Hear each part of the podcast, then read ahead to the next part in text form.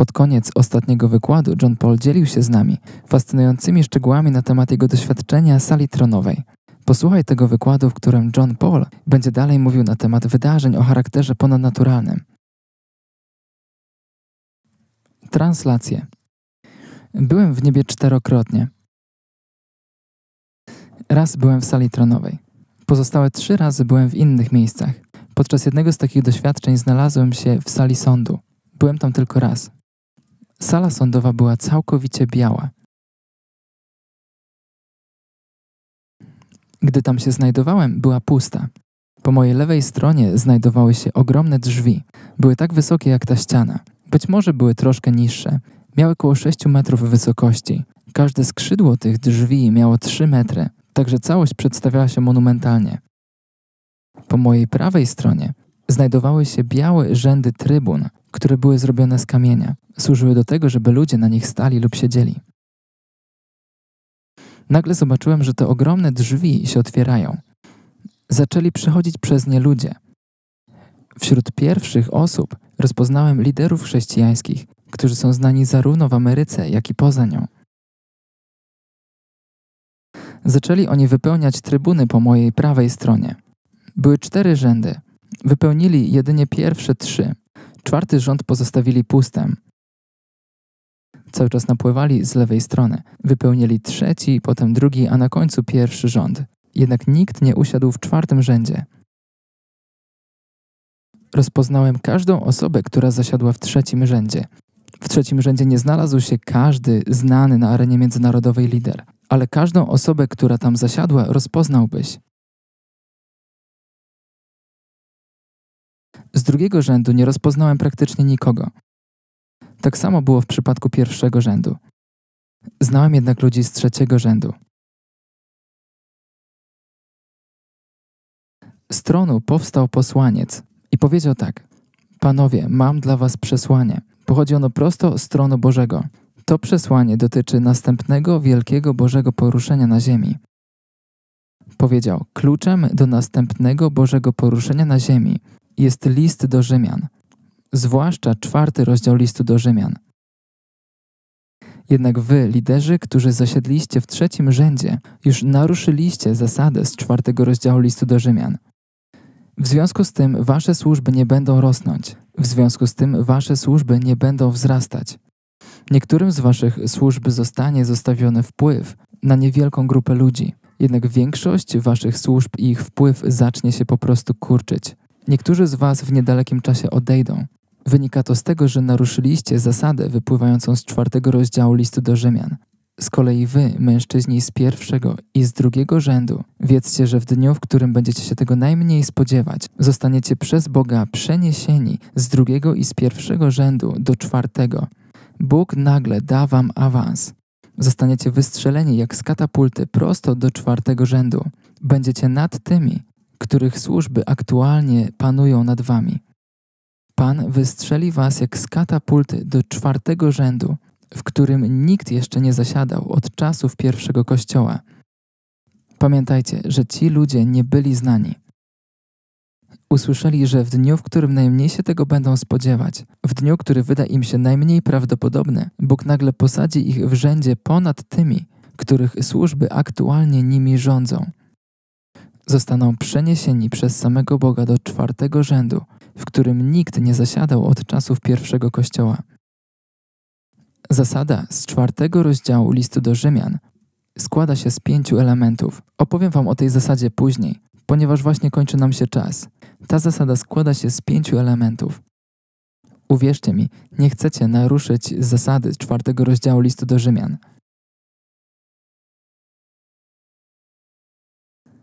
Naprawdę tego nie chcecie. Dam Wam wskazówkę. Ta zasada ma dużo wspólnego z Abrahamem. Tak naprawdę cały ten rozdział jest o Abrahamie. Ten rozdział mówi o tym, co Abraham myślał na temat Ismaela i co myślał na temat Izaaka. Abraham bardzo kochał Ismaela. Abraham powiedział nawet Bogu: Oby tylko Ismael został przez ciebie pobłogosławiony. To były słowa, jakie wypowiedział zanim Izaak mu się urodził. Abraham przez 13 lat mówił wszystkim wokół, że to Ismael jest tym, na którego czekał. Opowiadał to wszystkim przez 13 lat. Jeszcze o tym porozmawiamy później.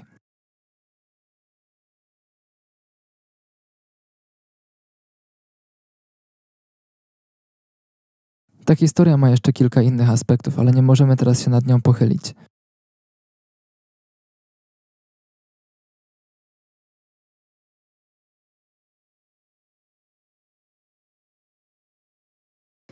Jeszcze raz, Bóg poruszy niebo i ziemię, aby postawić Ciebie tam, gdzie On chce, żebyś był, jeżeli jesteś w miejscu, w którym On chce, żebyś był. Klucze do Bożych tajemnic znajdują się w Jego świątyni. Aby wejść do Jego świątyni, musisz zapłacić pewną cenę. Cena, którą musisz zapłacić, jest następująca: weź na siebie swój krzyż i podążaj za mną. Jest ciężar, który musisz na siebie wziąć. Zachowujemy się dzisiaj tak, jakby Boża łaska była substytutem na krzyż. Boża łaska nie jest substytutem krzyża. Istnieje zarówno Boża łaska, jak i krzyż, i one w żaden sposób sobie nie przeczą.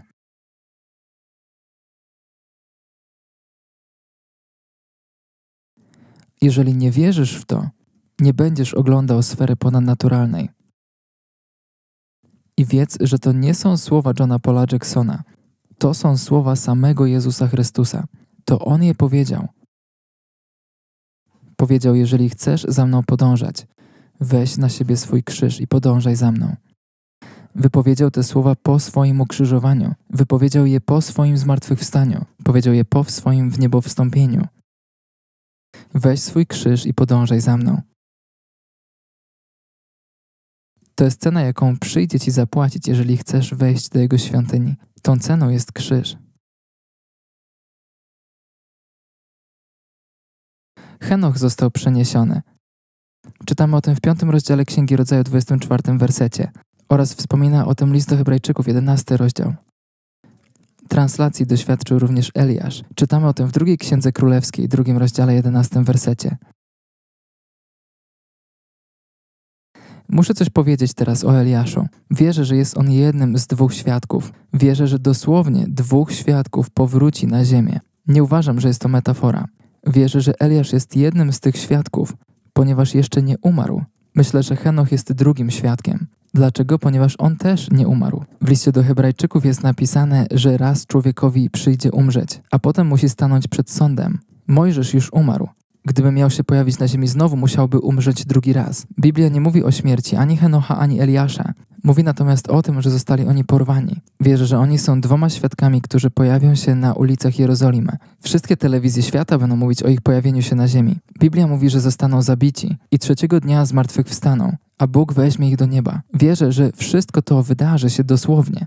Wierzę, że Bóg po prostu wyciągnął Eliasza z jego czasu i umieścił go w przyszłości.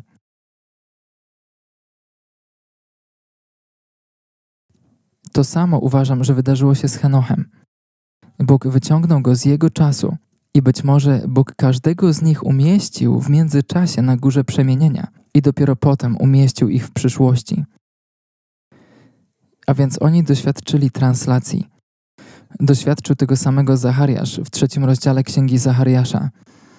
Obserwował w rzeczywistości duchowej interakcję pomiędzy Jozłem, aniołem pańskim i szatanem. Ezechiel doświadczył przeniesienia w 43 rozdziale Księgi Ezechiela. Paweł został przeniesiony do trzeciego nieba. Mówi o tym drugi list do Koryntian, 12 rozdział. Oczywiście również Jan Apostoł tego doświadczył i czytamy o tym w czwartym rozdziale Księgi Objawienia. W Księdze Objawienia 19 rozdziale i 22 rozdziale czytamy o tym, że Jan upada przed stopami jakiejś postaci. Za każdym razem one mówią: Nie rób tego. Jestem współsługą Twoim i Twoich braci. Bogu oddaj pokłon, bowiem świadectwem Jezusa jest duch proroctwa. W 22 rozdziale jest napisane: Jestem współsługą Twoim i braci Twoich, proroków i tych, co zachowują słowa tej księgi. A więc zastanawia mnie, kim są te postacie i skąd się wzięły w niebie. Bóg nie ogranicza przestrzeni w czasie, do której osoba jest przenoszona. Dlaczego? Ponieważ czas w żaden sposób nie ogranicza Boga. On jest w stanie umieścić Ciebie w jakimkolwiek momencie w czasie. Byłem w miejscach na Ukrainie i w Rosji, w które zostałem już zabrany 15 lat wcześniej.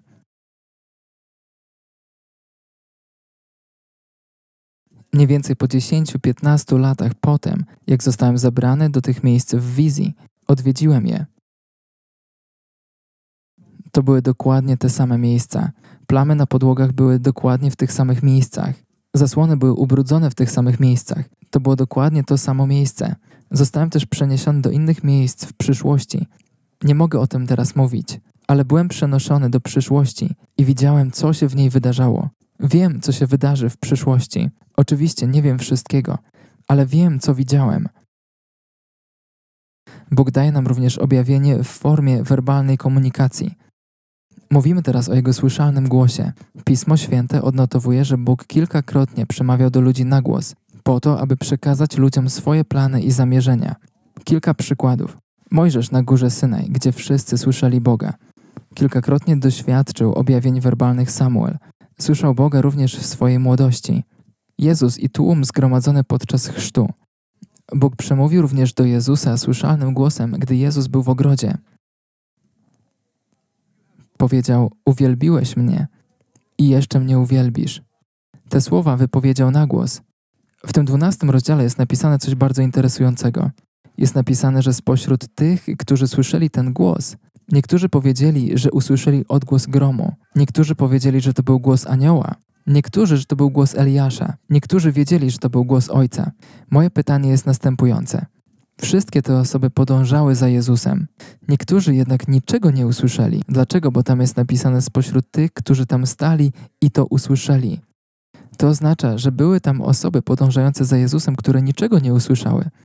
Nie usłyszały ani głosu gromu, ani głosu, który wydałby im się głosem Eliasza, ani głosu, który wydałby im się głosem Ojca.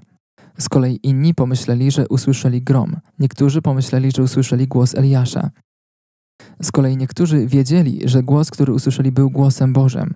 Pytanie, jak to jest możliwe, że wszystkie te osoby podążały za Jezusem, jednak nie wszystkie usłyszały słyszalny głos Boży?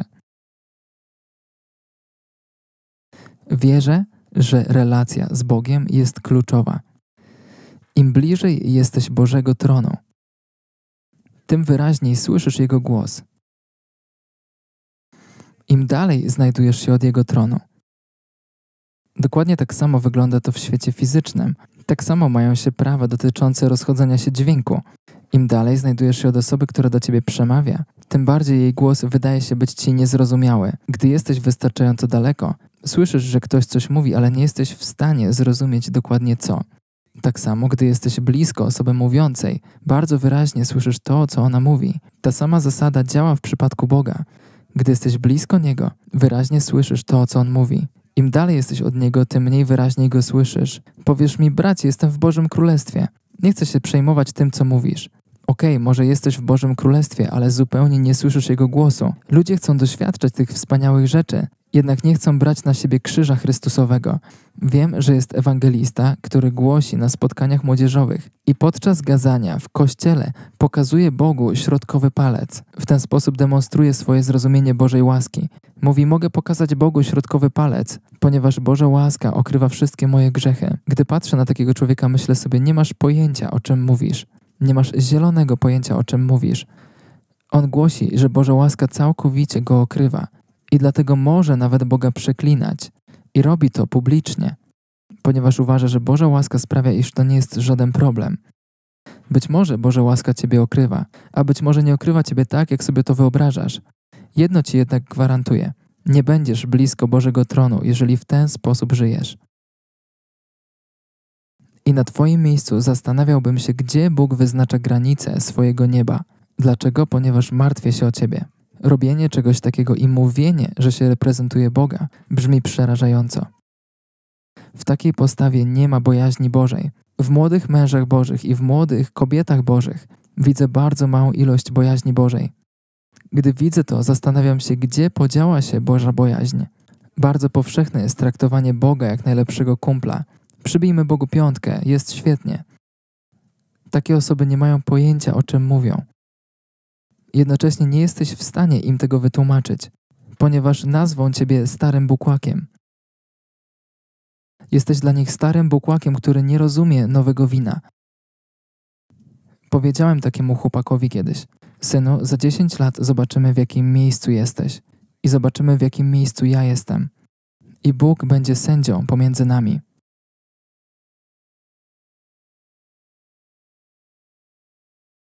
Widziałem setki podobnych Tobie, usuwanych z powierzchni ziemi. To, czym mówimy, nie jest kwestią rodzaju bukłaku. To, czym mówimy, jest kwestią tego, że mamy do czynienia z Bogiem, który jest stwórcą wszystkiego. Bóg przemówił słyszalnym głosem na górze przemienienia. Usłyszeli to Piotr, Jakub i Jan. Jezus przemówił do Saula słyszalnym głosem na drodze do Damaszku. Istnieją poziomy słyszenia Boga. Podkreśla to fakt, że nie każdy słyszy Boga, nawet gdy przemawia na głos. Niektórzy nie słyszeli nic, niektórzy mówili, że zagrzmiało. Niektórzy powiedzieli, że to był głos anioła. Niektórzy wiedzieli, że to był głos Boży. Mówimy tu o fragmencie z 12 rozdziału Ewangelii Jana. Większość komunikacji z Bogiem odbywa się na poziomie wewnętrznym. Nikt inny oprócz Ciebie nie słyszy tego, co Bóg do Ciebie mówi. Ta komunikacja odbywa się między Twoim duchem a duchem Bożym. Bardzo mocno oddziałuje na Ciebie jako na osobę, która ją słyszy. Bóg używa również niejasnej mowy, czyli zagadek. Jest to najtrudniejszy do zrozumienia rodzaj objawienia. Przykłady znajdziemy w Księdze Liczb 12 rozdziale, w Księdze Ezechiela 17 rozdziale czy w Księdze Przysłów w pierwszym rozdziale. Niejasna mowa utrzymuje nas w miejscu pokory. Słysząc ją, nie wiemy, czy jej sens jest przenośny czy dosłowny. Zastanawiamy się, czy to, co usłyszeliśmy, jest wynikiem naszych myśli, czy tego, że Bóg do nas przemówił. Niejasna mowa pokazuje nam, że ludzka wiedza nie jest w stanie objąć sobą wszystkich aspektów rzeczywistości. Rzeczywistość zawiera w sobie nadrzędny duchowy świat. To, że go nie widzimy, nie oznacza, że nie jest on prawdziwy. Dlatego nie możemy polegać wyłącznie na naszym rozumie ale musimy podążać za naszym duchem, ponieważ jest on prowadzony przez Ducha Bożego. Niejasna mowa występuje w trzech formach: w formie zagadki, przypowieści, wrażenia i formie niezwykłych okoliczności. Gdy Bóg, posługując się jednym przykładem, ilustruje inny, wtedy niejasna mowa przybiera formę zagadki lub przypowieści. Przykładem jest porównanie Nowego Narodzenia do fizycznych narodzin w rozmowie Jezusa z Nikodemem. Kobieta przy studni i żywa woda też stanowiły niebiańską zagadkę. Kolejny przykład to Jeremiasz i koło garncarskie. Niejasna mowa występuje też w formie ponadnaturalnych wrażeń i niezwykłych okoliczności. Duch Święty mówi ci, żebyś uważał, gdy będziesz dzisiaj jechał samochodem.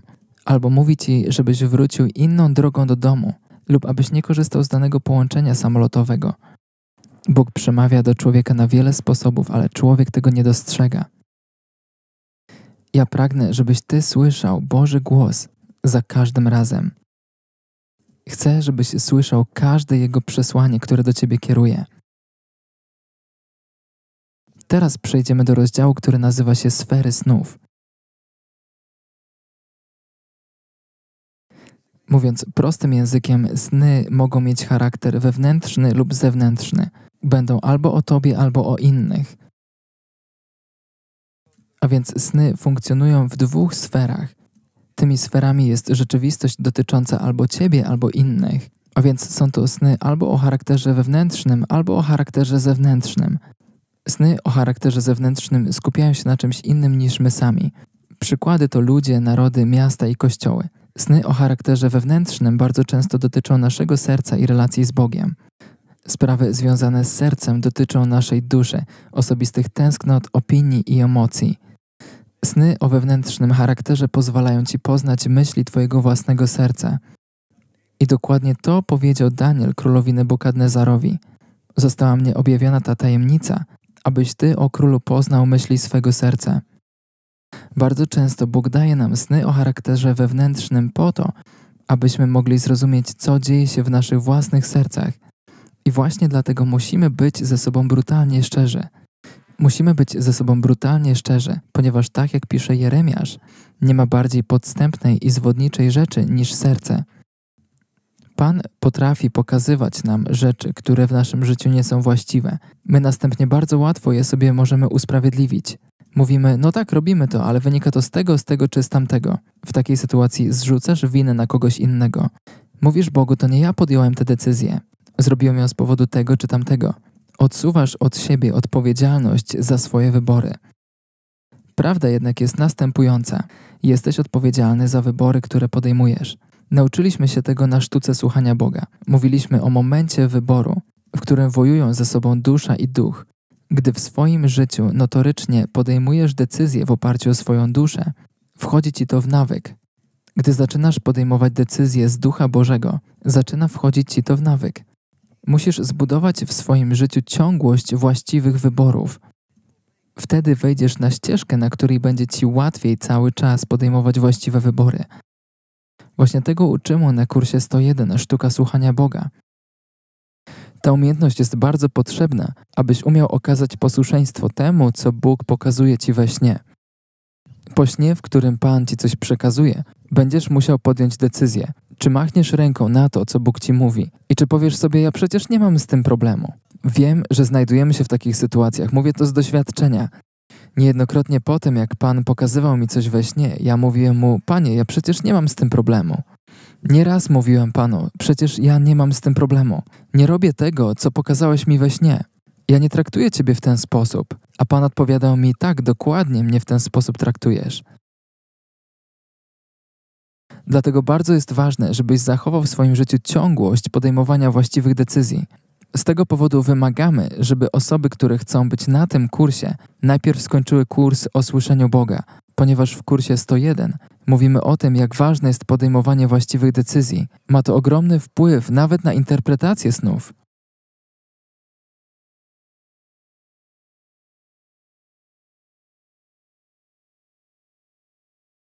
Sny o charakterze zewnętrznym zawierają w sobie elementy przewidywania przyszłości.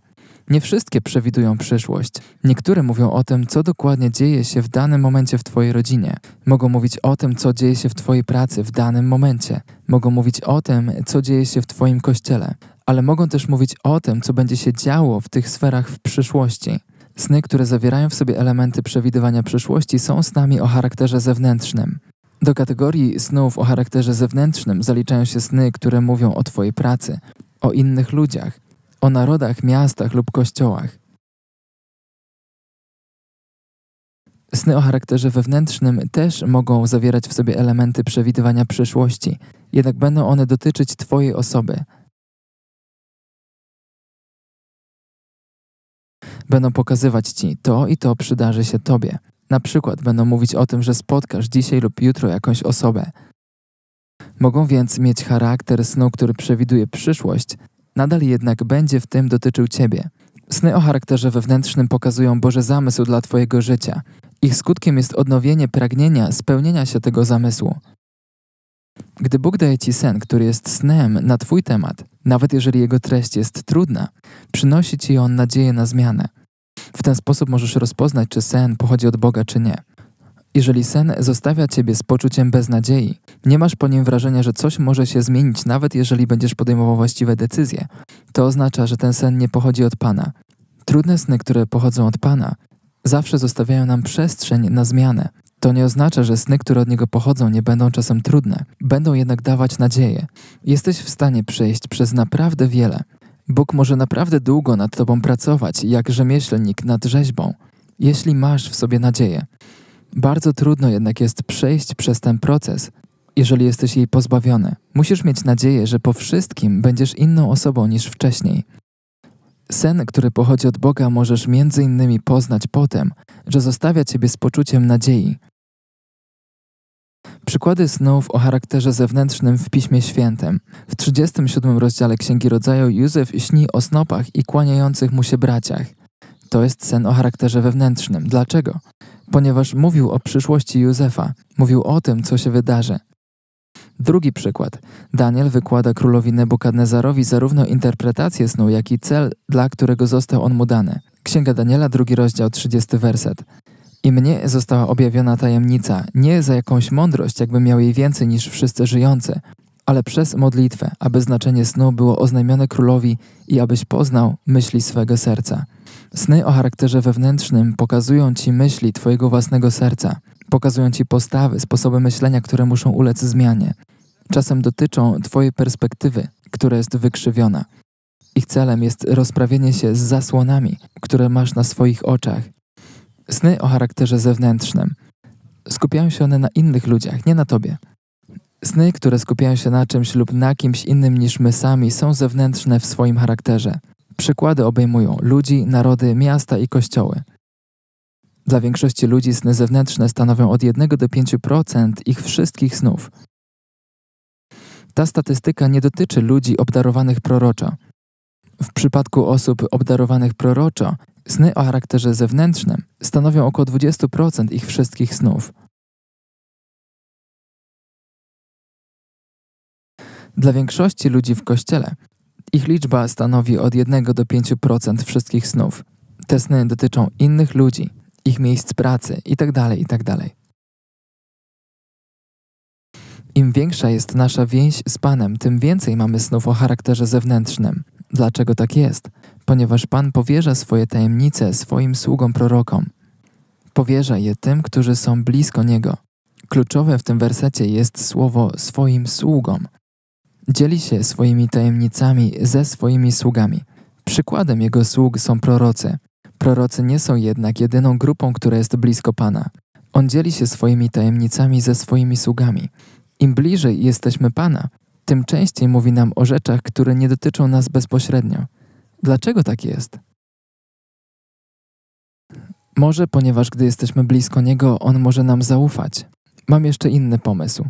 Być może, jeżeli byliśmy wystarczająco zdyscyplinowani, aby zabrać się za kwestie, które Pan pokazywał nam w naszym własnym życiu, to okażemy również dyscyplinę, która jest potrzebna do tego, aby zachować dla siebie tajemnice, które nam pokazuje. Powinniśmy budować swoją samodyscyplinę. Brakuje mi jej w kręgach proroczych. Zwłaszcza w kręgach młodych proroków. Bardzo często widzę, że Bóg mówi coś młodym prorokom, a oni biegną z tą jedną rzeczą i piszą na jej temat książkę. 98% treści takiej książki jest do kosza, ale ta jedna rzecz, którą oni usłyszeli od Pana, jest prawdziwa. Oni jednak się zastanawiają, dlaczego książka się nie sprzedaje. Nie sprzedaje się, ponieważ Bóg nie może za nią stanąć. Dlaczego? Ponieważ nie świadczy o prawdzie. Prawda nie jest jedynie zbiorem faktów, jest dużo szerszym pojęciem. Prawda zawiera też w sobie rzeczywistość motywów. Duch prawdy nie może zaświadczyć o rzeczach, które nie są prawdziwe. Duch prawdy nie będzie świadczył jedynie o faktach. Duch prawdy będzie świadczył o tym, co jest prawdą. Pamiętajcie, prawda i fakty nie są tym samym. Możesz znać fakt, jednocześnie nie znając prawdy na jego temat. Duch Święty nie będzie opowiadał się za tym, co nie jest prawdą. Innymi słowy, nie będzie stawał za tym, co za sobą nie ma właściwych motywów. Za tym, co mówisz innym, musi stać właściwy motyw. Jeżeli chcesz, żeby za tym, co mówisz innym, stał Duch Święty, jeżeli chcesz, żeby Twoje słowa przeszywały serca słuchaczy, muszą kierować Tobą właściwe motywy. Twoje motywy muszą być czyste, jeżeli chcesz, żeby prawda była w tym, co robisz. W większości przypadków sny o charakterze zewnętrznym mają na celu zachęcenie nas do modlitwy. Poruszymy te kwestie szerzej później, gdy będziemy omawiać 20 różnych rodzajów snów.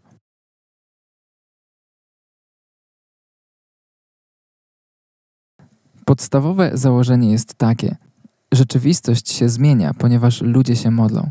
Ja się zmieniam, ponieważ modlę się za siebie. Zmieniam się, ponieważ inni modlą się za mnie. Ty zmieniasz się, ponieważ ja modlę się o ciebie. Ty się zmieniasz, ponieważ sam modlisz się za siebie. Modlitwa przynosi zmianę. Bez względu na to, czy jest to charakterze wewnętrznym czy zewnętrznym. Dlaczego modlitwa przynosi zmianę? Modlitwa przynosi zmianę, ponieważ Bóg nie chce naruszyć Twojej wolnej woli. Bóg nie chce zmusić Ciebie do tego, żebyś Go kochał. Nie chce zmuszać Ciebie do posłuszeństwa. Są sytuacje, w których zmusza Ciebie do posłuszeństwa. Może bardziej powinniśmy to ująć tak. Są sytuacje, w których Bóg zwiększa ciśnienie okoliczności i to one sprawiają, że Ty zaczynasz być Mu posłusznym. Robi to wtedy, gdy zagrożone jest Twoje przeznaczenie. Wie, że jeżeli zostaniesz na ścieżce, na której jesteś, zagrożone będzie wypełnienie się Twojego powołania. Bóg dyscyplinuje Ciebie, gdy widzi na Twojej ścieżce rzeczy, które powstrzymają Ciebie przed wypełnieniem Twojego powołania. On zawsze w tym, co czyni, jest motywowany swoją ogromną miłością do Ciebie. Dyscyplinuje Ciebie, ponieważ dba o Twoje przeznaczenie. Dyscyplinuje nas też ze względu na innych. Widzi, że jeżeli będę dalej funkcjonował tak, jak funkcjonuję, to zacznę ranić innych ludzi. Dyscyplinuje nas, ponieważ nie chce, żebyśmy ranili inne osoby. Dlaczego? Ponieważ kocha nie tylko nas, ale również te osoby. Bóg dyscyplinuje tych, których kocha. Jeżeli Bóg nie dyscyplinowałby mnie, jeżeli by mnie nie napominał, to naprawdę zacząłbym się martwić. Jeżeli czujesz, że jesteś przez Boga trzymany na bardzo krótkiej smyczy, uwierz mi, że jesteś w dobrym miejscu. Czasem ludzie mówią mi, czuję się tak, jakby Bóg trzymał mnie na długiej smyczy. Myślę sobie wtedy, no to niedobrze. To oznacza, że jeszcze dużo wody w Wiśle upłynie, zanim wypełni się Twoje przeznaczenie. Jeżeli Bóg trzyma Ciebie na bardzo krótkiej smyczy, to zbliżasz się do wypełnienia swojego przeznaczenia lub zbliżasz się do bardzo ważnej chwili, która ukształtuje Twoje przeznaczenie. Są pewne rzeczy, przez które musimy przejść. Są momenty, w których w cudzysłowie musimy zrozumieć, jak działa tabliczka mnożenia. Na przykład, jeżeli masz prowadzić jakiegokolwiek rodzaju biznes, w którymś momencie musisz nauczyć się, jak działają podstawowe zasady matematyki. Musisz na przykład wiedzieć, które czynności w zadaniu matematycznym trzeba wykonać najpierw.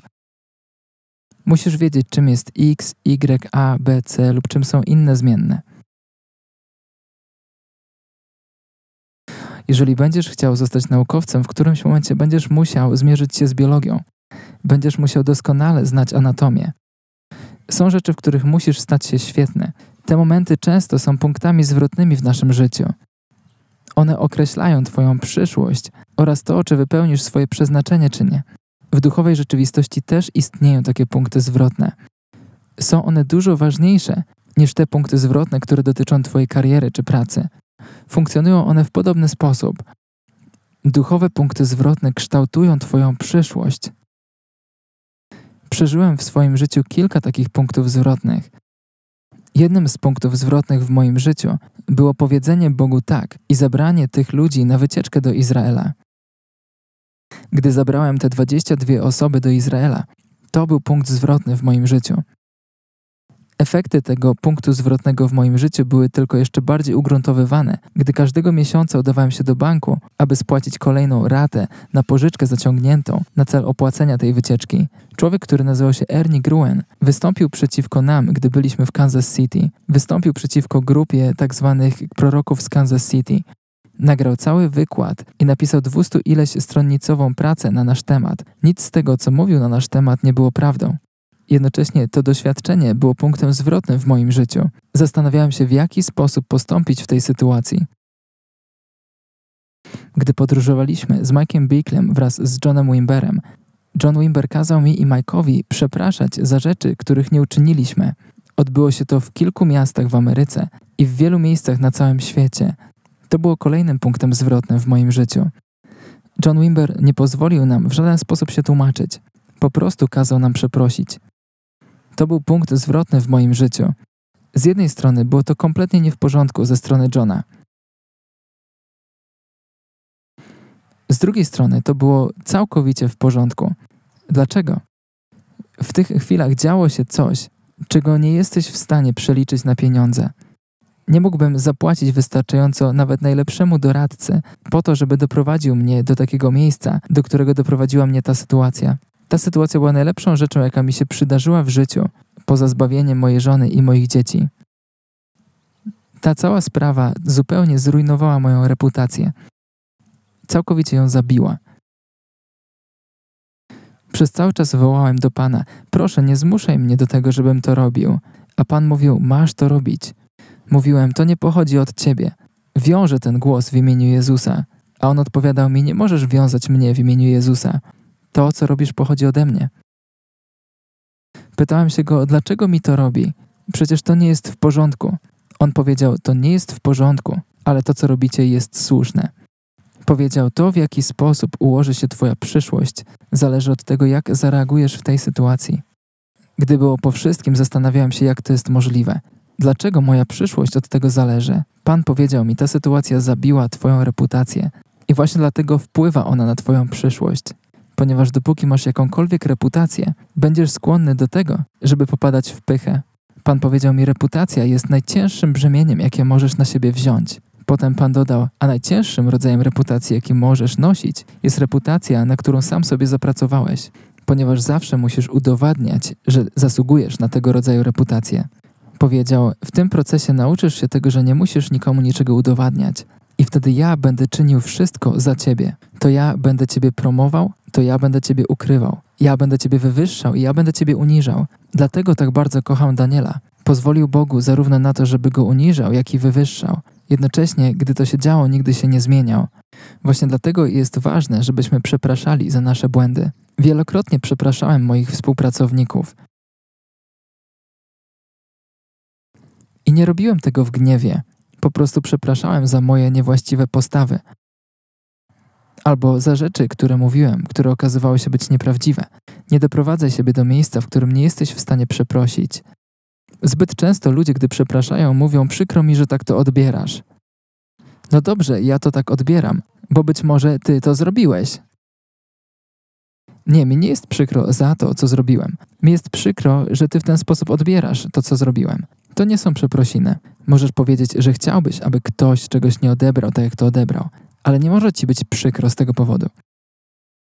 Będziesz doświadczał w życiu chwil, w których Bóg będzie ciebie przycinał.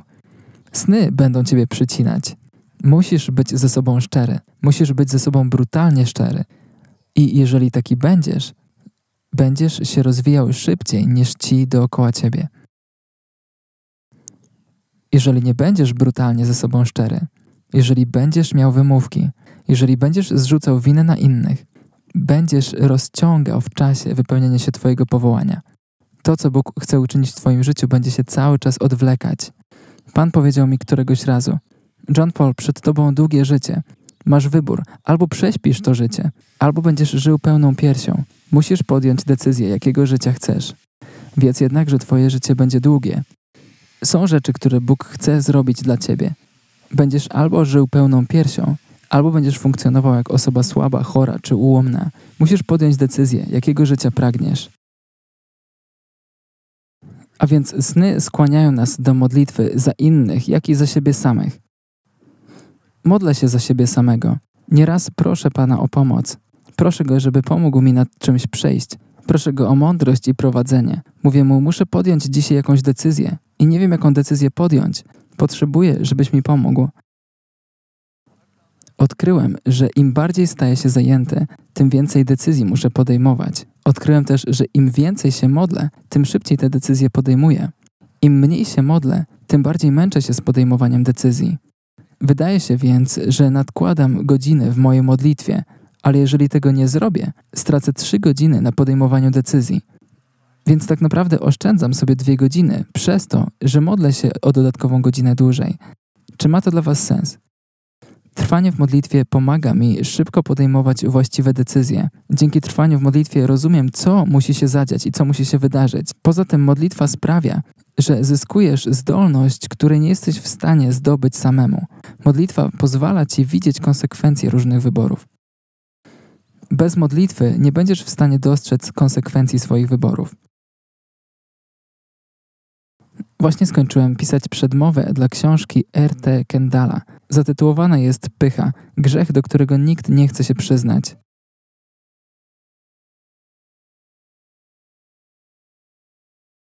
Nie wiem, kiedy ta książka się ukaże. Znajduje się ona teraz w Charisma House, a więc prawdopodobnie ujrzy światło dzienne za jakieś 4 miesiące. Tytuł brzmi Pycha grzech, do którego nikt nie chce się przyznać. W tej książce wskazuje on na kilka rzeczy, które zdradzają to, że pycha jest w naszym życiu obecna. Powiedział, że jednym z objawów pychy w życiu człowieka jest brak bojaźni Bożej. Gdy nie boisz się Boga, w jakimś stopniu uważasz siebie za samowystarczalną jednostkę, Powiedział: Gdy dojdziesz do miejsca w swoim życiu, w którym odniesiesz tak ogromny sukces, w którym będziesz się czuł, że masz tak ogromny wpływ, że aż będziesz miał wrażenie, że nie musisz się modlić, to będzie oznaczało, że straciłeś bojaźń Bożą w swoim życiu.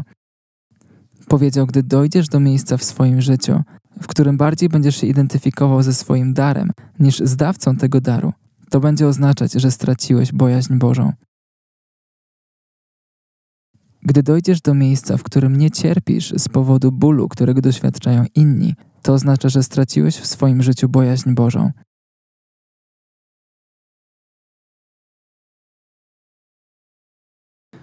Gdy dojdziesz do miejsca w swoim życiu, w którym nie usuwasz grzechu ze swojego życia, tylko starasz się nim zarządzać, to będzie oznaczać, że straciłeś bojaźń Bożą w swoim życiu.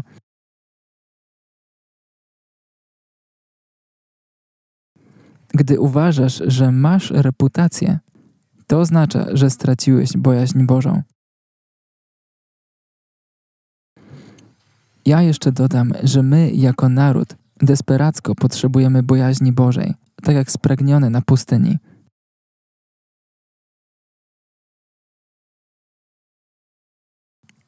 Nie słyszy się o bojaźni Bożej w kościołach, nie widzi się bojaźni Bożej w kościołach.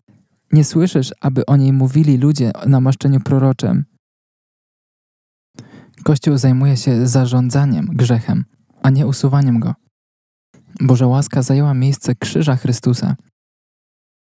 I niestety duchowy poziom dojrzałości naszego kraju jest zweryfikowany poprzez ewidentny brak dyscypliny oraz przez brak poznania. Może to jest powód, dla którego Bóg coraz częściej będzie korzystał z narzędzia snów do komunikacji. On chce nami potrząsnąć, chce nas obudzić, chce, żebyśmy zrozumieli, kim naprawdę jesteśmy. I chce, żebyśmy byli świadomi tego, co dzieje się wokół nas. Wróćmy teraz do snów o charakterze zewnętrznym. Biblijnym przykładem snów o charakterze zewnętrznym są sny faraona o siedmiu tłustych i siedmiu chudych krowach oraz o siedmiu pięknych i siedmiu zeschniętych kłosach pszenicy. Dlaczego? Ponieważ mówiły o przyszłości całego narodu egipskiego. Tak naprawdę nie tylko narodu egipskiego, ale całego Bliskiego Wschodu. Nadchodziła susza i dotyczyła ona nie tylko faraona, ale wszystkich w tamtym rejonie geograficznym. Powtarzający się sen może oznaczać, że sprawa została przez Boga postanowiona i On wkrótce ją wypełni. Dlaczego o tym wspominamy? Ponieważ faraon śnił dwukrotnie. Tak naprawdę te sny się powtarzały. Nie były dokładnie takie same. Podmiotem pierwszego snu były snopy pszenicy, a w drugim podmiotem było bydło. Zasada snu jednak się powtarzała. To, co tłuste, miało stać się chude. W takich sytuacjach musimy rozpoznawać powtarzającą się zasadę we śnie. Możesz w ciągu jednej nocy śnić kilkukrotnie. Każdy sen będzie ci się wydawał inny, jednak tak naprawdę każdy będzie dotyczył tego samego tematu. Nie zawsze tak to działa. Jeżeli widzisz, że w snach powtarza się określona zasada, to oznacza, że dotyczą one tej samej kwestii. W tych dwóch snach zarówno kłosy pszenicy, jak i bydło były najpierw piękne, dojrzałe czy dorodne, a potem stały się chude. Gdy odnajdziesz wspólną zasadę w takich snach, odnajdziesz znaczenie tych snów. Odnajdywanie wspólnej zasady czy motywu pozwala upraszczać proces interpretacji.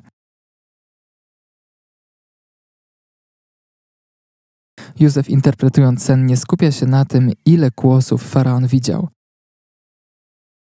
Nie pyta faraona, czy tych kłosów były tysiące, czy było ich kilka. Nie pyta faraona, ile widział krów. To nie było najistotniejszą sprawą. Najistotniejszą sprawą dla Józefa było odnalezienie wspólnego motywu. Kontekst tych snów określił to, o czym te sny mówiły. To kontekst ustalał to, co w tych snach było najważniejsze. Ilość kłosów czy krów nie była aż tak istotna. Wy, interpretując sny, będziecie musieli przechodzić przez ten sam proces odnajdywania najważniejszej kwestii we śnie. Teraz jednak musimy się skupić na pewnych podstawach. Teraz czas na ćwiczenie w grupach.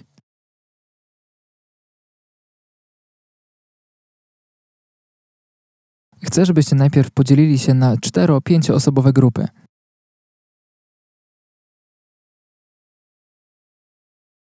Chcę, żebyście odnaleźli w Biblii przynajmniej dwa sny o charakterze wewnętrznym i dwa sny o charakterze zewnętrznym. Chcę, żebyście ustalili, dlaczego zakwalifikowaliście dane sny do kategorii snów o charakterze wewnętrznym lub zewnętrznym. Podzielcie się teraz na grupy i spotkamy się za kilka minut. Rozstąpcie się teraz. Czy już wszyscy odnaleźli przykłady? Czy dowiedzieliście się czegoś więcej na temat snów o charakterze wewnętrznym czy zewnętrznym? Czy wiecie, dlaczego Bóg ich używa? Teraz zagłębimy się w kwestie o charakterze bardziej szczegółowym. Teraz zaczniemy rzucać kłody pod nogi waszym umysłom. Do tej pory było lekko.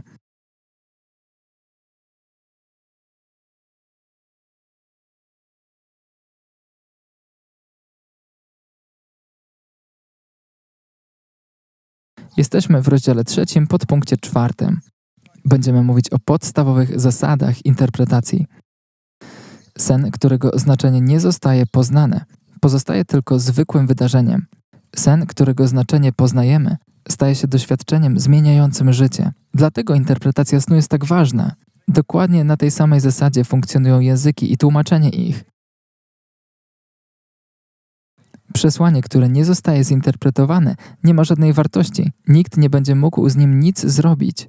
Sen, który nie zostaje zinterpretowany, nie ma żadnej wartości. Nikt nic nie zrobi ze snem, który nie został zinterpretowany. Bądź świadom tego, że te same symbole nie oznaczają w każdym śnie tego samego. Mówiliśmy już o tym. Czasem w Biblii ziarno oznaczało słowo, a czasem oznaczało wiarę. Są jednak pewne ogólne zasady interpretacji, których będziemy się teraz uczyć. Musimy nauczyć się ogólnego znaczenia symboli. Nadal jednak musimy zachować elastyczność. W każdym śnie dany symbol może mieć inną wagę. Musimy unikać interpretacyjnego legalizmu. Unikaj interpretacyjnego legalizmu. Obserwuję fazę interpretacyjnego legalizmu, zwłaszcza wśród ludzi, którzy zaczynają uczyć się interpretować sny. Ci, którzy dopiero uczą się interpretować sny, mają skłonność do legalizmu interpretacyjnego. Jak taki legalizm wygląda? Na przykład osoba, która tłumaczy twój sen, mówi: Czerwony zawsze oznacza to i to. On musi to oznaczać. A prawda może być taka, że znaczenie tego koloru w Twoim śnie będzie pochodną ogólnego znaczenia koloru czerwonego. Czerwone nie zawsze oznacza jedno i to samo. Pochylimy się nad przykładami później. Nie możemy jednak się tym zająć teraz, ponieważ pójdziemy nie po kolei. Kontekst snu zazwyczaj wykłada nam znaczenie symbolu. Zrozumienie kontekstu snu jest bardzo ważne dla zrozumienia znaczenia snu. Sprowadź sen do jego jak najprostszej formy. Mówiliśmy o tym wcześniej. Będziemy to powtarzać Wam w kółko. Sprowadź sen do jego jak najprostszej formy. Każda przypowieść ma swój centralny punkt, na którym należy się skupić. Szukaj takiego punktu w każdym śnie. Często błędnie zakładamy, że wysoki poziom skomplikowania snu świadczy o tym, że jest on wyjątkowo istotny. Tak nie jest. Jeżeli uważasz, że takie założenie jest prawdziwe, to opowiadając sen, będziesz go podkolorowywał, będziesz chciał, żeby on zabrzmiał, jakby był zawiły. Robiąc to, będziesz sprawiał, że znaczenie snu będzie stawać się bardziej mgliste. Zadaj sobie pytanie: gdzie jestem w tym śnie? Widzicie teraz slajd, który o tym mówi. Twoja rola we śnie. Gdzie ja w tym śnie się znajduję? Jeżeli jesteś obserwatorem, Obserwatorem jest ktoś, kto obserwuje akcję, ale nie bierze w niej udziału. Gdy jesteś obserwatorem, nie jesteś częścią snu. Obserwujesz tylko to, co się dzieje. Możesz obserwować akcję oczyma innej osoby. Często, gdy we śnie jesteś obserwatorem, wydaje ci się, jakbyś był umieszczony troszeczkę ponad ziemią. Przyglądasz się temu, co dzieje się wokół ciebie. Jednak nie jesteś aktywnie częścią snu. Nikt nie prosi ciebie o pomoc. Tak naprawdę nikt o nic cię nie prosi. Czasem przechadzasz się pośród ludzi we śnie, a oni nie zdają sobie sprawy z twojej obecności. Tak właśnie wygląda rola obserwatora we śnie. Jeżeli przyglądasz się temu, co się dzieje, ale nie bierzesz w tym udziału, wtedy jesteś obserwatorem. Jeżeli jesteś jedną z wielu osób w tłumie jesteś zwykłym obserwatorem, to oznacza, że uczestniczysz we śnie w trybie obserwatora. Jesteś obserwatorem wtedy, kiedy nie na tobie skupia się sen. Innymi słowy, jesteś nim, kiedy sen nie jest o tobie. Tak, John?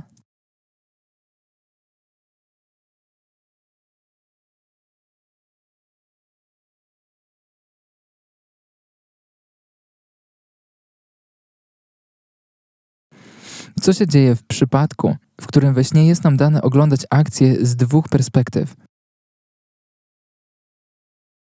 Masz na myśli sytuację, w której w tym samym momencie widzisz akcję z dwóch perspektyw? Czy masz na myśli to, że perspektywy się zmieniają? Miałem sen, w którym patrzyłem na akcję oczyma innej osoby, a potem uniosłem się w powietrzu i widziałem akcję z góry. W takiej sytuacji nadal jesteś obserwatorem. Najpierw patrzysz na akcję oczyma innej osoby, a potem patrzysz na nią z góry.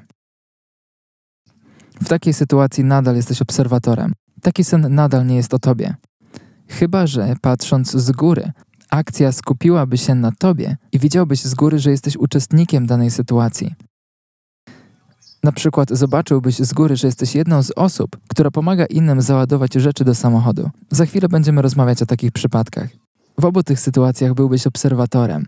Sny, w których jesteś obserwatorem, są albo o czymś innym, albo o kimś innym niż ty. Jeżeli jesteś obserwatorem, sen nie jest o tobie. Sen, który nie jest o tobie, jest snem o charakterze wewnętrznym czy zewnętrznym. Tak, jest snem o charakterze zewnętrznym, bardzo dobrze. Punkt drugi. Drugą rolą, jaką możesz zająć we śnie, jest rola uczestnika. Na przykład, tak jak mówiłem wcześniej, pomagasz grupie ludzi załadować samochód. Możesz pracować nad czymś z całą grupą ludzi. To, co robisz, może być aktywnością grupową. Ta grupa może być duża albo bardzo mała. Chodzi przede wszystkim o to, żebyś nie był jedyną osobą, która coś robi. Gdy jesteś uczestnikiem, współpracujesz z innymi osobami. Ludzie nie pytają się ciebie co chwilę, co mają robić. Jesteś uczestnikiem wtedy, gdy na przykład w jednej sytuacji ktoś pyta się ciebie o coś, a w drugiej sytuacji pyta się o coś innej osoby. W snach, które mają grupowy charakter, zazwyczaj chodzi o to, że to, co się dzieje i to, w co jesteś zaangażowany, dotyczy nie tylko ciebie, ale również innych osób. Wpłynie nie tylko na ciebie, ale wpłynie też na innych.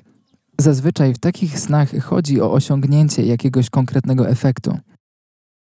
Jeżeli w przesłaniu takiego snu nie chodzi o osiągnięcie konkretnej rzeczy, wtedy zazwyczaj taki sen jest snem o charakterze wewnętrznym. Na przykład, sen może mówić o tym, że jako Kościół angażujemy się w wyjazd misyjny, lub może mówić o tym, że powinniśmy zaangażować się bardziej w to, co dzieje się w naszej młodzieżówce w Kościele. Zazwyczaj jednak interpretacja takich snów sprowadza się do przyniesienia komunikatu na temat konieczności wykonania jakiegoś zadania. Rzadziej natomiast interpretacja takiego snu dotyczy jakiejś wewnętrznej kwestii samej grupy. W którąś z tych trzech kategorii będziesz w stanie zakwalifikować każdy sen, który kiedykolwiek będziesz miał. Trzecią kategorią snów są sny, w których ty jesteś w centrum uwagi. Wszystko kręci się wokół ciebie, jesteś główną postacią. Jesteś osobą, która podejmuje decyzje. Jesteś główną osobą, której przydarzają się jakieś rzeczy. Na przykład ktoś do ciebie strzela albo rzuca czymś w ciebie. Ty idziesz po ulicy, ktoś ciebie podnosi. Każdy wita się z tobą. W takich sytuacjach to ty jesteś w centrum uwagi.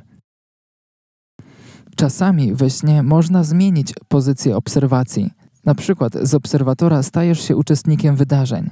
Czasem z bycia obserwatorem możesz stać się główną postacią we śnie. Jak należy interpretować taki sen? Taka sytuacja mówi nam, że coś wydarzy się z czymś, w co jesteś zaangażowany.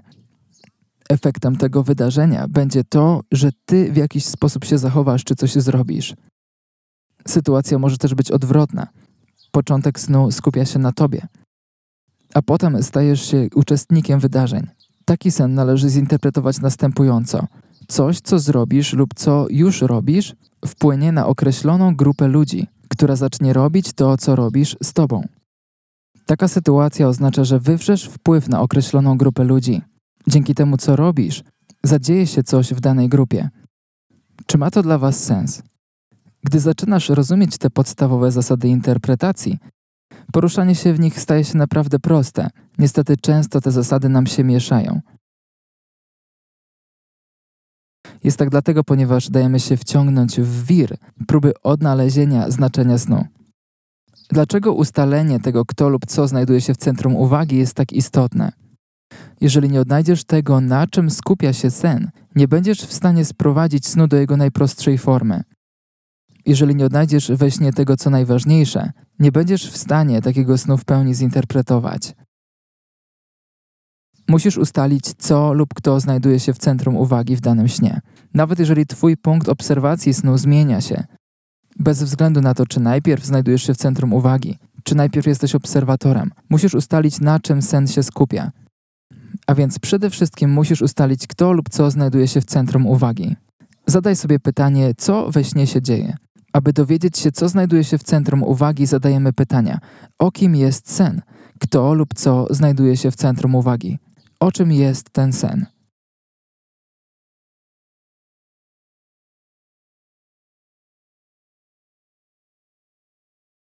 Jeżeli masz trudność w odpowiedzeniu sobie na to pytanie, zadaj sobie pytanie, czy gdybyś ty został usunięty ze snu, to czy on nadal miałby sens?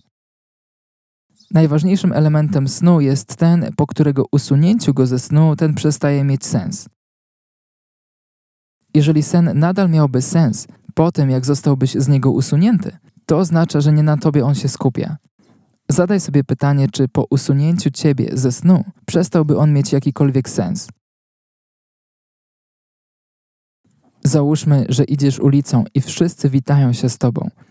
Mówisz sobie, no, gdyby usunąć mnie z tego snu, pewnie te osoby witałyby się ze sobą nawzajem.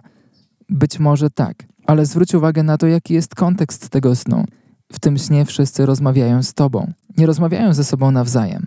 To ty jesteś osobą, która idzie po ulicy. Gdyby tylko na chwilę witali się z tobą, a potem kontynuowali konwersację ze sobą nawzajem, być może miałoby to sens. A więc jeśli we śnie wszyscy podchodzą do ciebie i rozmawiają tylko z tobą, to po usunięciu ciebie z tego snu on przestaje mieć sens. Zrozumieliście te zasady? Jeżeli macie jakiekolwiek pytania na temat tego, co mówię, jeżeli macie jakieś wątpliwości, to proszę podnieście swoją rękę, powiedzcie mi o tym, a ja postaram się wytłumaczyć to, co mówię w inny sposób. Zauważyłem, że ludzie, którzy nie rozumieją tych podstawowych zasad, często męczą się podczas interpretowania snu. Te zasady są jak podstawy mnożenia. Musisz się ich nauczyć, zanim przejdziesz do zadań z algebry. Bardzo dobrze. Bycie obserwatorem we śnie nie oznacza, że nie możesz być w centrum uwagi. Jakby to mogło wyglądać? Za chwilkę do ciebie wrócę. Załóżmy, że obserwujesz samego siebie. Patrzysz na to, co się dzieje z powietrza. Z jednej strony widzisz siebie i widzisz inne osoby. Widzisz, że wszyscy pracujecie razem. Taki sen oznacza, że w coś jesteś zaangażowany. Jednak nie jesteś osobą, która będzie wpływać na to, co robi grupa. Przyglądasz się temu, jak funkcjonuje grupa. Ty nie jesteś w centrum uwagi. W centrum relacji jest grupa i to, czym się zajmuje. Jesteś zaangażowany w to, co ona robi. A więc sen mówi ci, że będziesz zaangażowany w jakąś grupową aktywność, ale nie będziesz za bardzo wpływał na to, co się w tej grupie dzieje. Czy ma to dla Was sens? Pamiętaj to, że jesteś w coś zaangażowany, nie oznacza od razu, że jesteś głównym tematem snu. Być może najważniejsze w takim śnie jest udanie się na misję. Być może taki sen dotyczy problemów wewnętrznych w Twoim kościele. Być może dotyczy problemów w Twoim biznesie. Może dotyczyć wielu kwestii, w które jesteś zaangażowany, jednak nie masz na nie bezpośredniego wpływu.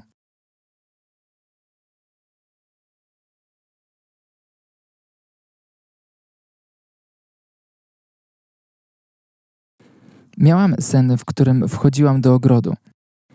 Był ze mną mój pastor oraz jego żona. Mój pastor podał mi bardzo grubą, lecz bardzo małą książkę. Chwilę później widzę, że jego żona jest w ciąży. Kim jestem w takim śnie? Jesteś uczestnikiem snu. Coś na ciebie wywrze wpływ. Mówi o tym książka, którą otrzymujesz. Jesteś uczestnikiem tego, co ostatecznie się wydarzy. Część tego snu skupia się na tobie. Mówię tutaj o książce, która została tobie podana. Ale w części snu, w którym widzisz, że żona pastora jest w ciąży, już nie znajdujesz się w centrum uwagi. A więc na początku tego snu ty znajdujesz się w centrum uwagi, a potem w centrum uwagi znajduje się pastor lub jego żona. Jesteś więc uczestnikiem tego snu, ponieważ część tego, co się wydarza, ma na ciebie wpływ. Tak, właśnie teraz będziemy się tym zajmować. Poczekaj sekundkę. Widzę siebie, jak stoję w narożniku pomieszczenia. Widzisz siebie, jak stoisz w narożniku pokoju, tak? Nie, ja jestem umieszczona w górnym narożniku pokoju i widzę samą siebie, jak przyglądam się prześwietleniu. I następnie widzę, jak w oparciu o to prześwietlenie podejmuję jakieś decyzje. Gdy obserwujesz samą siebie, to oznacza, że ta sytuacja do czegoś doprowadzi, ale nie będziesz miała na to wpływu. Gdy obserwujesz samą siebie, to oznacza, że nie masz wpływu na decyzję, jaką podejmujesz. Zgadza się, podejmujesz decyzję patrząc na to, co jest na prześwietleniu, ale to, co stanie się później, już jest poza Twoją kontrolą. A więc nie będziesz bezpośrednio zaangażowana w to, co wydarzy się później. A więc zadziała to trochę na zasadzie kuli śnieżnej. Tak, dokładnie. Zadziała to albo na zasadzie kuli śnieżnej, albo na zasadzie kostki domino, która uruchamia sekwencję upadania kolejnych kostek. Nie będziesz miała wpływu nad największymi konsekwencjami decyzji, którą podejmiesz. Jeżeli ona nie będzie miała wpływu na to, co się wydarzy, dlaczego Pan w ogóle dał jej ten sen? Celem tego snu jest sprowokowanie jej do działania. Coś musi się wydarzyć po to, aby ta kula śnieżna dalej się potoczyła. Ona ma sprowokować sobą to, co ma się wydarzyć później. Nie będzie jednak to miało bezpośredniego wpływu na to, co wydarzy się w jej życiu. Będzie miało to jednak wpływ na inne osoby. Prawdopodobnie będzie miało to wpływ na życie osoby, której prześwietlenie zanalizowała. Na przykład idę do lekarza. On diagnozuje prześwietlenie, a następnie na podstawie swojej analizy wysyła mnie do chirurga. A więc moje udanie do chirurga zostało sprowokowane analizą lekarza, do którego udałem się na początku. Jednak w samo wydarzenie operacji lekarz, do którego się udałem, już nie jest zaangażowany. Operacji dokonuje chirurg. Lekarz, do którego się udałem, nie będzie bezpośrednio zaangażowany w operację. Jeżeli to prześwietlenie było prześwietleniem Twojego ciała, to oznacza, że ktoś inny będzie miał wpływ na Twoje życie. Dobrze, będziemy kontynuować. To były naprawdę dobre pytania. Rozmawialiśmy o tym, co znajduje się w centrum uwagi. Gdy będziemy rozmawiać o interpretacji snów, będziemy powtarzać to w kółko. Najpierw jednak musimy wprowadzić Was w ten temat. Teraz będziemy mówić o rzeczach drugoplanowych. Bardzo często w snach trzy lub nawet cztery rzeczy są drugoplanowe. Czasem na drugim planie znajduje się tylko jedna rzecz lub osoba. Bardzo ważnym jest to, żeby nie pomylić drugoplanowych rzeczy ze szczegółami. Nie mylcie rzeczy drugoplanowych ze szczegółami. To, co jest drugoplanowe, w jakiś sposób wpływa na to, co jest pierwszoplanowe. To może być rzecz, to może być osoba. Ta osoba lub rzecz będzie mogła wywrzeć wpływ na to, co pierwszoplanowe. Na przykład pakujesz rzeczy do samochodu. Jesteś jedyną osobą, która to robi. Karton spada na twoją stopę. W takim śnie karton byłby rzeczą drugoplanową. Musielibyśmy się zastanowić, co on oznacza, co symbolizował, dlaczego upadł na twoją stopę. W takim śnie karton byłby na drugim planie. Ty byłeś na pierwszym planie, ponieważ karton spadł na Twoją stopę. Gdy zrozumiesz, co jest drugoplanowe, musisz zastanowić się, w jaki sposób to, co drugoplanowe, zinterpretować. W takiej sytuacji częsty błąd, który robimy, jest taki, że zaczynamy tonąć w szczegółach. Dlatego ważnym przy interpretacji snów jest ustalenie tego, co jest pierwszoplanowe, co jest na drugim planie, a co jest zbiorem szczegółów. Na początku Twoim zadaniem jest odnaleźć we śnie to, co jest w nim najważniejsze. Potem odnajdujesz to, co we śnie jest drugoplanowe, oraz identyfikujesz to, co trzeba zaliczyć do szczegółów. Drugi plan tworzą te elementy snu, które są niezbędne do ustalenia kontekstu snu oraz do sprecyzowania ciągu wydarzeń. Dla przykładu, mamy ten sen, w którym spada na nas karton. Musimy zatem dowiedzieć się, co ten karton symbolizuje. Motywem tego snu byłby karton, który na ciebie spada. Musisz ustalić, co on symbolizuje żebyś wiedział, co ci zagraża. Taki sen został ci dany po to, żeby żaden karton w cudzysłowie na ciebie nie spadł. Elementy drugoplanowe stanowią dopełnienie lub uzupełnienie historii. Odnoszą się bezpośrednio do tego, co pierwszoplanowe. Zazwyczaj takich ich liczba waha się między dwoma elementami a czterema. Czasem jest to tylko jeden element. Jeżeli rzeczy drugoplanowych według ciebie w twoim śnie jest więcej, zobaczysz, że ten sen zacznie tracić dla ciebie swoje znaczenie. Jeżeli na drugim planie zidentyfikujesz więcej niż cztery rzeczy, musisz przeanalizować sen na nowo. Często jest tak, że gdy usuniemy ze snu to, co szczegółowe, znaczenie snu stanie się bardziej zrozumiałe. Musisz sen rozebrać na części, a potem musisz go złożyć z powrotem. Rozkładasz sen na części i widzisz, że ty znajdujesz się na pierwszym planie. Pokażę wam, jak możecie to robić w praktyce. Rozpoczynasz od pierwszego planu. Załóżmy, że na pierwszym planie tego snu jesteś ty. Śni ci się podróż samolotem, którą masz odbyć. Samolot jest koloru niebieskiego. Na pokładzie samolotu znajduje się 300 osób. Jedna ze stewardess jest bardzo niska, a druga jest bardzo wysoka. Kontrastują się ze sobą. Odbywasz ten lot samolotem i dolatujesz na miejsce. Gdy usuniesz wszystkie szczegóły dotyczące tego snu, co znajduje się na pierwszym planie? Na pierwszym planie jesteś ty. Następnie zadaj sobie pytanie, co w tym śnie bezpośrednio na mnie wpływa. W tym śnie byłby to samolot. A więc samolot znajduje się na drugim planie. Czy jest coś jeszcze innego, co bezpośrednio wpływa na ciebie w tym śnie? Może fakt dotarcia na miejsce byłby jeszcze drugoplanowy. Dotarłeś na miejsce, do którego leciałeś. Stewardesa, która ma 170 cm wzrostu, to byłby szczegół. Byłby to szczegół, który dotyczyłby samolotu. Stewardesa. Na pokładzie była jeszcze stewardesa, która mierzyła 2 metry.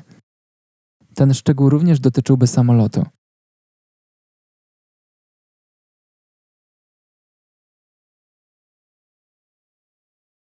Wiedziałeś, że na pokładzie znajdowało się 300 osób. To też byłby szczegół, który dotyczyłby samolotu. Niebieski kolor samolotu. To też byłby szczegół. Nie dotyczyłby on jednak ani stewardess, ani pasażerów. Dlatego kolor zapisałem tutaj z boku. Dotyczy on bezpośrednio samolotu. Patrząc na ten diagram, oczywistym staje się znaczenie tego snu. Naprawdę. Wymyśliłem teraz ten sen na poczekaniu, ale gdyby to był prawdziwy sen, znaczenie byłoby następujące. Samolot oznacza miejsce, do jakiego zmierzasz w duchu.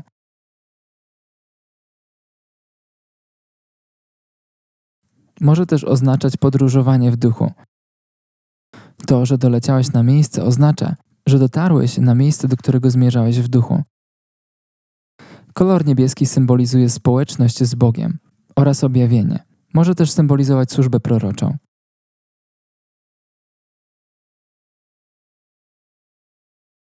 Dwie stewardesy, które są ze sobą w dużym kontraście, oznaczają, że w Twojej podróży pomogą Ci dwie całkowicie różne od siebie rzeczy lub osoby.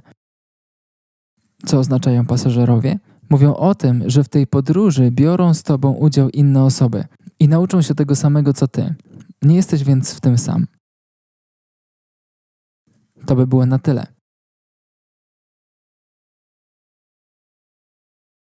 A więc, kiedy na chwilę odłożysz na bok wszystkie szczegóły i uporządkujesz swój sen, jego znaczenie szybko staje się jasne, zwłaszcza gdy rozumiesz zasady interpretowania kolorów i przedmiotów. Gdy próbujesz interpretować sen bez uporządkowania to, wygląda to tak. W jaki sposób wpłynę na 300 osób na pokładzie? Zupełnie też nie wiem, co oznacza stewardesa, która mierzy 2 metry.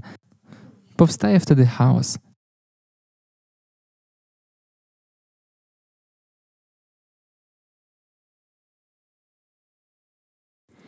Sprowadź sen do jego najprostszej formy.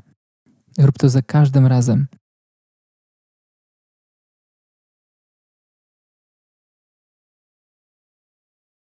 Gdy ludzie nie rozumieją snu, za każdym razem wynika to z tego, że nie rozłożyli snu na czynniki pierwsze.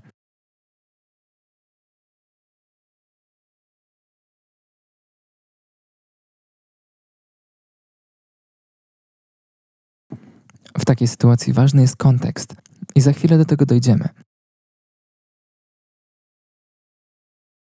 Często jest tak, że gdy usuniemy ze snu to, co szczegółowe, znaczenie snu staje się bardziej zrozumiałe.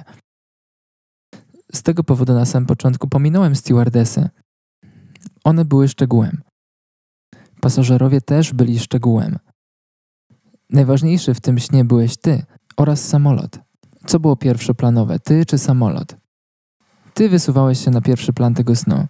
Mówiąc o szczegółach, odnosimy się do rzeczy we śnie, których obecność w nim nie wpływa na znaczenie snu czy jego spójność.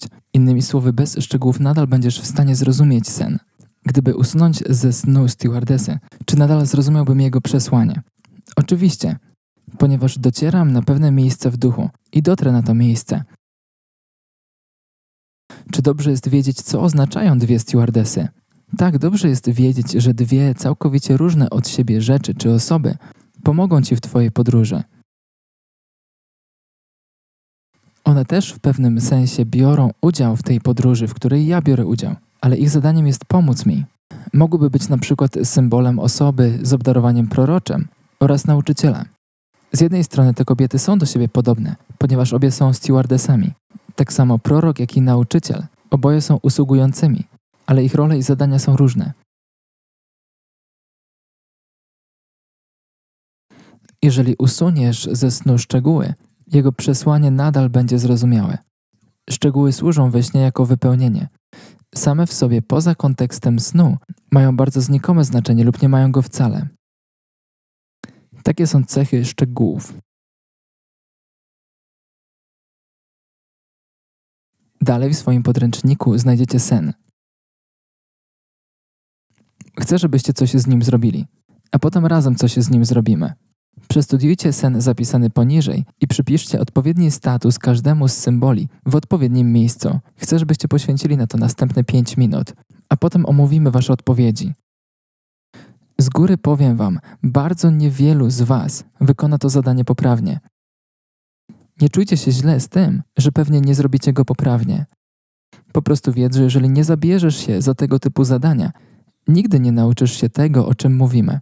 Nie chcę, żebyście wchodzili w proces interpretacji i rozpoznawania znaczeń tylko po to, żeby mieć rację. Teraz waszym celem jest po prostu branie udziału w tym procesie, a nie udzielenie prawidłowych odpowiedzi. Zatytułujcie ten sen i przypiszcie odpowiedni status każdemu z symboli. Mamy w tym śnie krawędź klifu, śniącego, kabriolet, niebieski i biały, ślisk po klifie, samochód, który jest w trakcie jazdy, miejsce kierowcy i prędkość. Napiszcie, które z tych rzeczy należą do pierwszego planu, które należą do drugiego planu, a które są szczegółami. Następnie zatytułujcie sen.